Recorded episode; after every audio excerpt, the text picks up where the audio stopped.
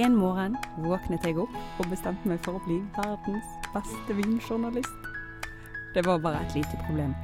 Jeg kunne nesten ingenting om vin.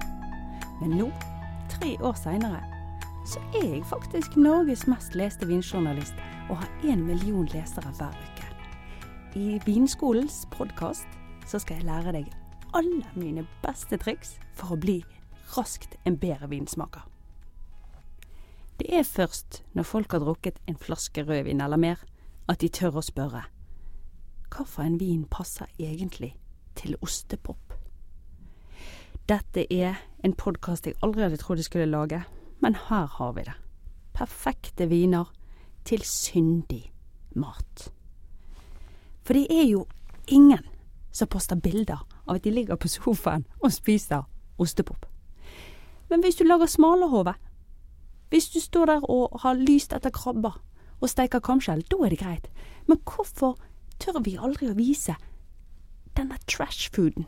Når du bare tasser rundt i, i pysjamasbuksen din og bare snapper en frossenpizza ut av kjøleskapet, eller begynner å saumføre kjøkkenskapene for en liten siste bit med kokesjokolade.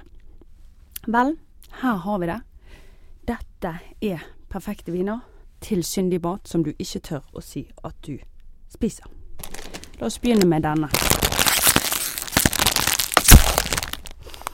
Åh, ostepop. Hva i huleste passer til ostepop? Vel,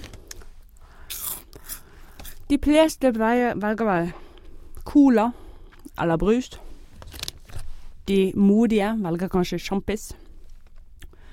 Men ostepop den er litt vanskelig. Ikke bare fordi at den er mye fett, dessverre. Men den har veldig mye smak. Denne cheddarosten som ligger utenpå. Da kan du liksom ikke komme med en pinglevin. Du trenger noe med litt kraft. Så er du klar? Nå får du en utfordring. Musserende rødvin. Har du aldri hørt om det? Vel. I Italia så er det en musserende rødvin som heter Lambrusco. Og selv om det høres veldig rart ut, så er det det perfekte følget til ostepop.